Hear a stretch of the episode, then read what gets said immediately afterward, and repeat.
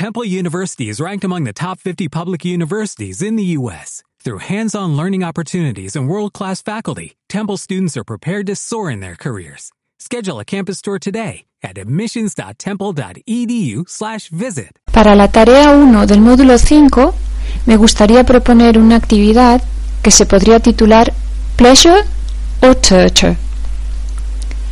Esta estaría dirigida a un grupo de nivel A2+, y los recursos que necesitaríamos serían ordenador con micrófono y auriculares, altavoces y herramientas como Audacity, eBox y el EDI. Los contenidos que trabajaríamos a través de esta actividad serían las características del texto narrativo oral, estructura, tiempos verbales, conectores habituales, el léxico específico relacionado con los viajes y el transporte y finalmente los patrones básicos de pronunciación, acentuación y entonación. El procedimiento mediante el cual esta actividad se llevaría a cabo sería el siguiente.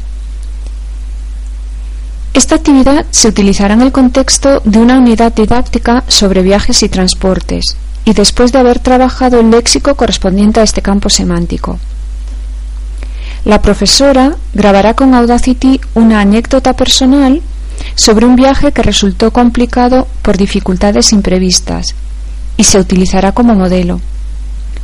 La duración será de unos tres o cuatro minutos.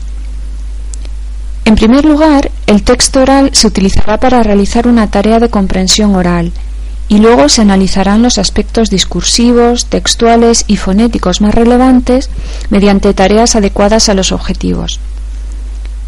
A continuación, se distribuirán los alumnos en grupos y cada uno creará una historia de un viaje que resultó inesperadamente complicado. Este puede ser real o imaginario. La profesora guiará cuidadosamente el proceso, lo monitorizará, pero se les dará a los alumnos margen de elección respecto a la organización del trabajo en el grupo y el modo de llevar a cabo la tarea, garantizando así la participación equilibrada de todos los miembros del grupo. En primer lugar, crearán o recordarán la anécdota y la escribirán, siguiendo los pasos habituales en el proceso de producción escrita, brainstorming, estructuración, creación de borrador, edición.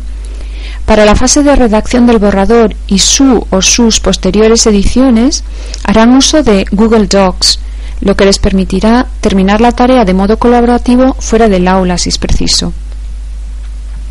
A continuación, después de practicar su lectura, la grabarán con Audacity fuera del aula y enviarán el archivo en MP3 a la profesora, que se encargará de subirlos todos a iVoox y compartirlos en el blog de aula, donde toda la clase podrá comentarlos y votar por la mejor anécdota.